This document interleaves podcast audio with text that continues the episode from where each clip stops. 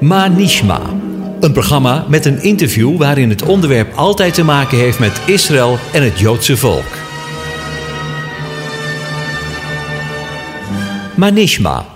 Dat wil zeggen, hoe gaat het ermee? Of wat hebben we gehoord?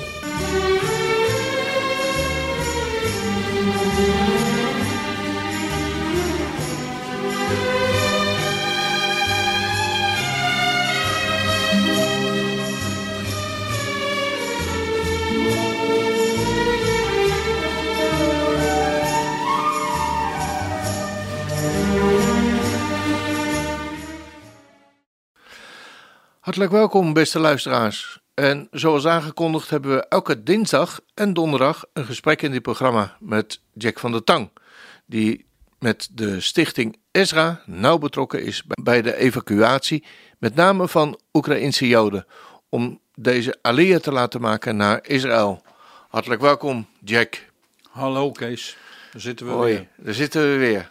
Nou, ik vind het heel fijn dat je toch, ondanks al je drukke werkzaamheden, en het is vandaag ook nog een, eh, dag van eh, Vasten en gebed. vasten en gebed, toch nog even de gelegenheid vindt om eh, de luisteraars een, een beetje bij te praten. Ja, Ja, Ehm, don, dinsdag jongsleden hadden we al een gesprek met elkaar.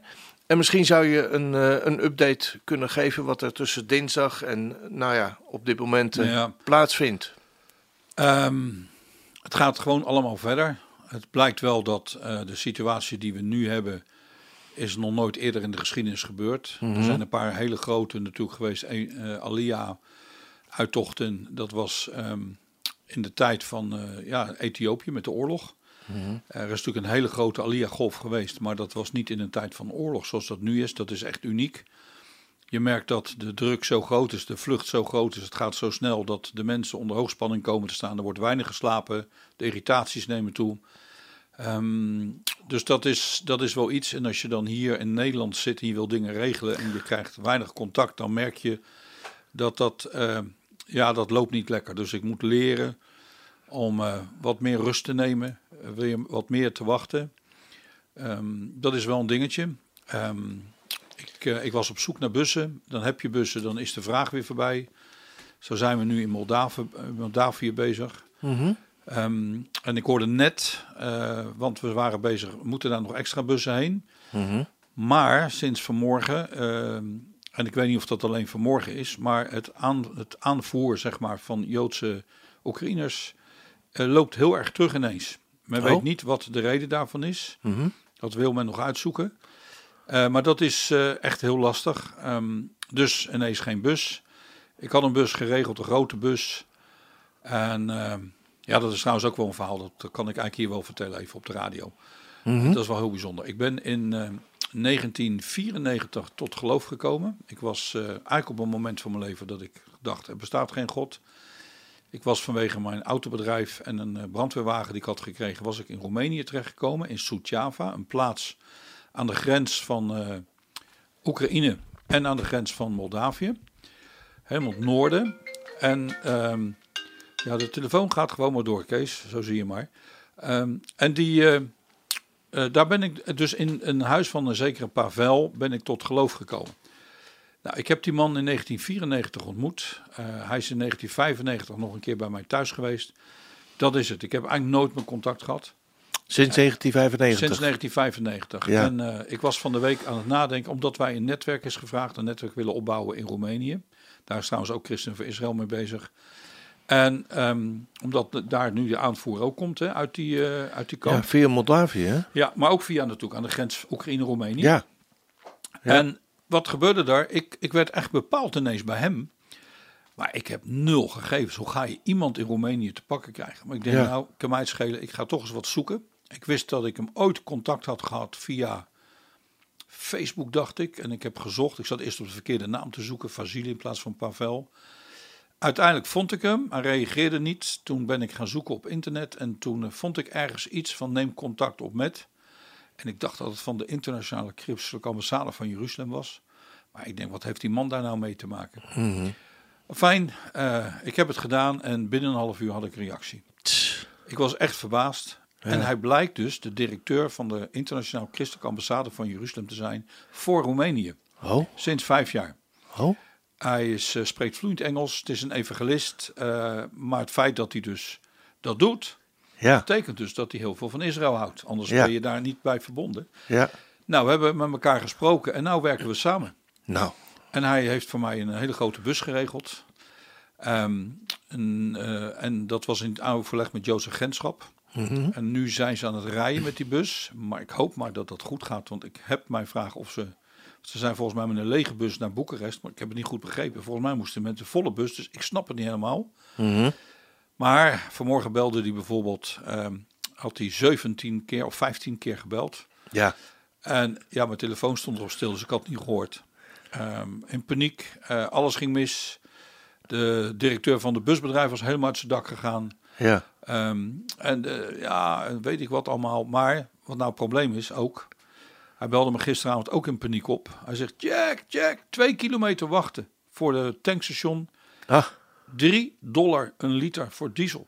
wow. En, Wat geld eh, zeg. Dus dat, dat is echt wel een dingetje ineens. En, maar ik heb gezegd, luister eh, Pavel, ik heb deze frustratie al de hele week. Ja, Eh, het is een tijd van oorlog. Wat je vandaag afspreekt of nu afspreekt kan over, over een half uur weer heel anders zijn. ja. Leer ermee te leven. Ik zeg, ik probeer het. Het lukt me nog niet goed, maar het, het- ik, le- ik leer, ik probeer het. Ja, En, en leg je er maar neer en vertel die man, het is een tijd van oorlog. Ja. Het is anders dan in de normale tijd. Dan, kun je, dan, dan veranderen die dingen. En, Ja. eh, en nu zit hij onderweg en hij gaat zometeen, geloof ik, de, de vrouw van het Joodse agentschap in Oekraïne ontmoeten. En dan gaat Mhm. hij eh, meer spreken over wat hij wil. De bus kost ons 2.500 euro per dag. 2.500 euro per dag. ja, En nu met de dieselprijzen zal het waarschijnlijk nog duurder gaan worden. ja. Ik heb ook nog een 18-persoonsbus geregeld voor in Moldavië, maar ik heb geen idee of dat doorgegaan is of niet. Ja, Ehm, ik vlieg maandagmorgen vlieg ik naar Roemenië. Eerst naar Boekarest. Van Boekarest vlieg ik door naar Suceava s'avonds. Daar haalt hij ons om 11 uur op van het vliegveld. Dan slapen we bij hem thuis.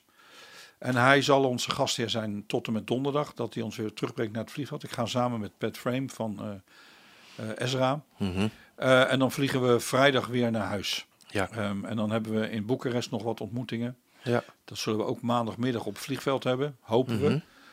Alles verandert daar. Ehm, ja. nou, dat is dus iets. Het is een leven bij, Ja. bij de minuut Dus, eigenlijk. het is gewoon even om in te zoomen voor de luisteraars, dan hebben ze een idee. Mhm. Nou, dan ook nog wel een heel bijzonder verhaal. We hebben natuurlijk eh Wiljo Berends heb ik wat over verteld. En Pieter Hogendoorn die dus afgelopen maandagavond om acht uur uit, eh, ja, net over de grens uit Nederland vertrokken zijn. Ja. Om kwart over drie kwamen ze aan in eh, Zwitserland, slapen. Daar is een gedeelte van de bus volgeladen spontaan. Toen zijn ze naar Hongarije gereden. Daar, hebben, daar had een- hadden ze een contact ergens. Daar zijn ze geweest. Die hebben spontaan geholpen met allerlei goederen. Toen zijn ze doorgereden naar Roemenië. Vlakbij Suceava ook trouwens. Mhm. Daar wist Wiljo of Pieter, dat weet ik niet, ook een contact. Een Nederlandse eh, gezin wat daar een boerderij heeft. En die hebben dus de bus nog helemaal afgeladen. Ook met allemaal goederen, hulpgoederen, met eten. Ja, En daar kwamen ze achter eh, dat dus zij niet meer met de bus Moldava binnen konden, Moldavië. Omdat de bus op een andermans naam stond. En dus dat was ook een heel gedoe. Dus ze hebben eh, allerlei papieren nog in orde lopen maken in het Roemeens en dergelijke geschreven. Zo. Toen kwamen ze bij de grens. En bij de grens hadden ze een hoop gedoe. En ineens zei die man, nou, ga maar door ook, rij maar. En eh, dus toen mochten ze doorrijden. Toen gingen ze eerst tanken. En toen bleek dus dat ze nog maar 30 liter mochten tanken per, iedereen. keer. Want de diesel raakte op daar. Zo. En toen kregen ze ook weer een uitzondering van 60, eh, 60 liter. Ze hadden zelf nog een aantal jerrycans ook ingeslagen, die stonden in de bus. En toen hebben ze in een hotel geslapen, daar vonden ze nog een plek. En wat gebeurt daar? De volgende morgen aan het ontbijt eh, ontmoeten ze iemand. En de eerste man die ze aanspreken is Ephraim. En Ephraim is dus een kok die speciaal is overgevlogen uit Israël om kosheren maaltijden te verzorgen. En die heeft gezegd, jullie krijgen van mij voor de hele maand dat jullie hier zijn, kosheren maaltijden. Nou, dat is toch Wat een bijzonder. ja, en ze hebben vandaag alles uitgeladen en nu, als het goed is, zijn ze bezig. Mhm. Ehm, maar er wordt heel goed samengewerkt, eh, ook met Ebenezer in, eh, eh, Moldavië. in Moldavië. Ja. Maar dat gebeurt ook in, in Polen. Mhm. Nu is de vraag Hongarije, maar daar zijn wat mensen van, van Ebenezer met bussen. Dus die gaan daar nu doen. Dus er is echt met elkaar overleg. Mooi. Christen van Israël gaan een beetje zijn eigen gang en die zijn hartstikke druk, die doen geweldig werk. Ja. Ehm, maar in Polen komt er nu wat rust en wat orde. Oké. Ondanks dat het natuurlijk druk is, want ik hoorde ook dat er bussen nodig waren. Had Christen van Israël gevraagd. Dus daar Ja. ik, heb ik ook nog wat in zitten bellen. Ehm, twee kleinere busjes om zelfs in Oekraïne te gaan. Ik Ja. weet niet of dat verstandig is. Er zijn Om daar mensen, al op te halen. Ja, er zijn mensen die hebben geen vervoer. Die lopen naar de grens. En die lopen soms, die moeten soms 80 tot 100 kilometer lopen Ja, langs ja. de snelweg. Ja. Kun je me niet voorstellen. Nee. Dat is dus de situatie die er eh, is. Voor de rest is het eh, ja, lastig. Er zijn een aantal mensen die hebben ineens COVID gekregen. Ik weet dat eh, Johannes Bartels van Ebenezer, die ligt op bed ziek met COVID. Ja. We hadden een aantal chauffeurs die zouden gaan rijden. Hebben ook COVID gekregen. Zijn ook ziek geworden. Ehm, maar op zich, ik had heel veel geroepen. Maar, Mhm. en dan ben je met mensen bezig. En dan moet je ineens mensen zeggen, ja, we, zegt, we, wachten, we zetten het toch even in de wachtkamer. We moeten niet uit paniek gaan reageren. Ja. Ja. Dus het is een, eh, een Ja. lastig iets. Ja. Ja, maar goed, het is, eh, het is natuurlijk een, eh, een uitzonderlijke situatie ook. Ja. Waarin dingen van het ene moment op het andere moment zomaar kunnen veranderen. En ja, dat, dat moet op geacteerd worden. Maar dat is lastig natuurlijk. Ja. Ik, ik begrijp dat. Ehm, maar je vertelde volgende week maandag eh, hoop je naar eh, eh, Roemenië te, Ja. te vliegen. Wat ga je daar doen? Nou, we vliegen eerst naar Boekarest. Daar, want Ja. we willen kijken of we een netwerk in Boekarest kunnen krijgen. Ik heb al wat contact gehad met kerken. In het verleden had ik wat contacten. Mhm. Ik heb vrienden die daar contacten hebben. En die hebben mij kerken gegeven met voorgangers. Die heb ik gesproken. Die Ja. hebben bedden bereid. Maar wij, ik, wij hebben gezegd, wij werken echt puur met het Joodse volk. Dat is onze roeping. Ja, Dat wil niet zeggen dat we die anderen daarmee wegzetten. Maar dit is onze roeping. Dus we willen Mhm. ons daarbij houden. En die zijn bereid. ja, Maar ik weet uit ervaring, en ik heb natuurlijk jaren in de autohandel gezeten ook. Ik kijk altijd graag de eerste keer iemand in zijn ogen. mhm. Eh, even voelen, even kijken. Ja, eh, weten of je betrouwbare mensen hebt. ja. Ja, je vertrouwt die mensen toch ook weer andere mensen toe. Ja, ja, want ik heb de man dus, eh, waar ik tot geloof ben gekomen zijn huis. Die heeft dus in geloof een aantal duizenden voorgeschoten. Tja, Dus ja. dat doet hij toch maar weer wel. En Ja. dan vliegen wij door naar eh eh Soet-Java. Want dat Mhm. is eh, vijf kwartier vliegen. Ja, Ja, als je dat met de auto doet, ook met de prijzen. ja, dit is veel goedkoper en veel makkelijker. ja. Hij haalt ons op. We slapen in zijn huis, dus dat kost ook niks. Nee. Dan gaan we kijken of we naar Moldavië kunnen. Maar dat lijkt erop dat dat niet doorgaat. Want als wij teruggaan uit Moldavië, zullen wij 10 tot 12 uur misschien moeten wachten bij de grens terug. Vanwege de drukte. Vanwege de drukte. Dus Zo. dat gaat niet lukken, denk ik, voor ons als je maar één dag wil. Ja, En je moet ook uitkijken dat je niet eh, in de weg gaat lopen. Ja. Mensen zijn zo druk, die zitten echt niet te wachten op een stelletje Ja. poppenkijkers. Hoewel Ja. ik persoonlijk zou eigenlijk wel Moldavië willen. Ik wil het met mijn eigen ogen zien. ja, We hebben wat kerken eh, contact, onder andere in Asli, geloof ik of zo. Dus dat Mhm. is ook redelijk in de buurt van eh Soet-Java en de grens. Dat ligt Mhm. aan de grens. ja. Maar goed, het, het is met name om je netwerk eh, Ja, verder ja. uit te breiden. En, um, En, en te kijken of we kunnen samenwerken. En, Ja. en één kerk, ehm, daar, die willen graag samenwerken, maar die lopen financieel, die kunnen het niet meer aan. En die hebben om hulp gevraagd, maar om zomaar geld over te maken naar iemand die je niet kent, is ook iets niet. Ja, dat is ook een lastige. Ja. ja, Dus daar willen we ook gaan kijken. oké. Ja. Nou, een heel druk eh, programma in de afgelopen week gehad. Eh, en eh, in de komende week. Ja. En nou, mochten mensen eventueel willen helpen of ergens Ja. mee kunnen helpen, kunnen Nou, ze contact dat- met je opnemen? Ik of denk dat zeg op je dit, van nou, nou, op dit moment is denk ik een, een e-mailtje naar info at Pillar of Fire of info at Radio Israël ja, over aanbod van huizen. Want eh, ik had de, gistermorgen Mhm. belde de directeur van het Joodse Agentschap op, die dus verantwoordelijk is, Maxime. mhm, En die zei, we hebben twee groepen. Eén groep is, eh, daarvan zijn de papieren in orde, die maken gelijk Alia. ja. Ook vanuit Polen, maar ook vanuit eh, Moldavië. Ja. Ehm, en dan En vanuit Boekarest, denk ik? Nou, en er is een groep die het niet in orde heeft. En die Mhm. worden vanuit Moldavië naar Boekarest gestuurd. Ah, En, ehm, en die moeten langer blijven in Europa, ook in Polen. ja, En die groep moet ondergebracht gaan worden. En hij heeft gezegd, hou er rekening mee dat er dus ook opvang nodig zal zijn, uiteindelijk ook in Nederland, voordat we dit allemaal geregeld hebben. Mhm. Dus de vraag is er, en ik kreeg gistermorgen van Wim Verwoerd, die met de stichting Roem Gamma geweldig werk doet, kreeg ik een telefoontje of we 56 Messiaanse Joden konden opvangen hier in ons gebouw. Nou, ja. Dat gebouw van ons is wat kleiner dan toen we hier begonnen als anti-kraak. Eh, toen hadden we echt, hadden we er 300 kunnen hebben. Nu, eh, nu kon dat niet, maar ik heb al wat aanvragen gekregen, maar we proberen het nog eventjes af te houden. We hebben zelfs al eh, opdracht gegeven om in ons gebouw een douche te laten plaatsen. ja, zodat die mensen gehuisvest kunnen En worden dan, tijdelijk. we hebben er twee ruimtes waar wat gebeurt. Daar kunnen we slaapkamers van maken. Dus Ja. we, zijn, we zijn zelf ook bereid. Ehm, Maar dus- mochten mensen eventueel zeggen van nou, ik, eh, ik stel een gedeelte van mijn huis eventueel beschikbaar. Of Ja. ik kan wat mensen ontvangen. Ja. Stuur even een mailtje naar info.pillar of Fire. En er hebben al een paar hele lieve mensen gereageerd op de Nou. eerste keer dat we het gesprek hadden. Geweldig. Dus dat vind ik wel, eh, wel heel gaaf. Ja, zeker. Ja, en voor de rest, eh, Kees, is het een grote zorg. Als je kijkt naar wat de diesel doet, als je kijkt naar de voedselprijzen, als je kijkt naar eh, alles wat er staat te gebeuren, denk ik dat we een. eh, ja, dit, dit, ik weet het niet hoe we het moeten noemen, maar dit lijkt toch wel een stukje naar de. eh, dit, als dit geen eindtijd meer is, want de voedselprijzen heeft dus niet alleen voor Europa, maar voor de hele wereld Ja. groot gevolg. Denk maar aan het graan. Ja. Noord-Afrika ehm, en wat er gebeurt. Ja, ik, ik, trouwens, ik sprak die man in, in Roemenië. Weet je hoe in Roemenië ze Poetin noemen? Nee. Adolf Poetin. Och. Eh, zo staat hij bekend daar. En ik zei, hoe denk jij over de toekomst? En toen zei hij, Jack, als eh, Poetin wil heel Oekraïne. Die weigert niet, die weigert om alleen, die wil gewoon allemaal.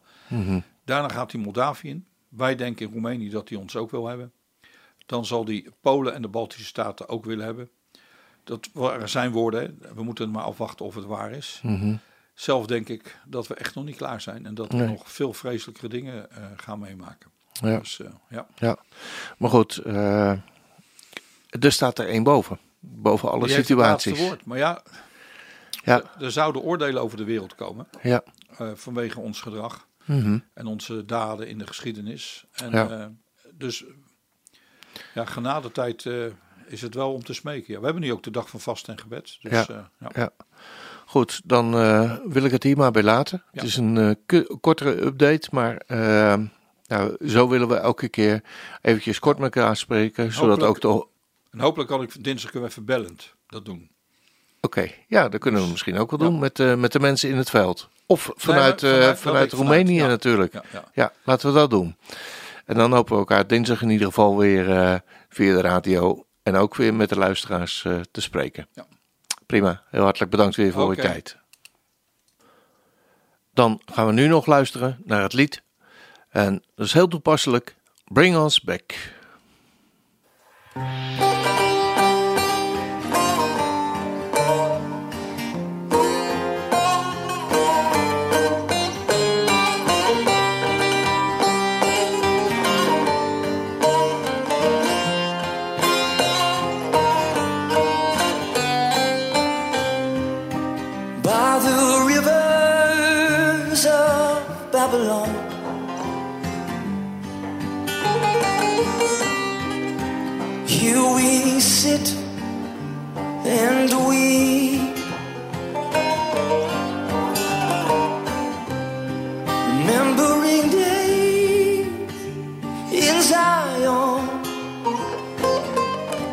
See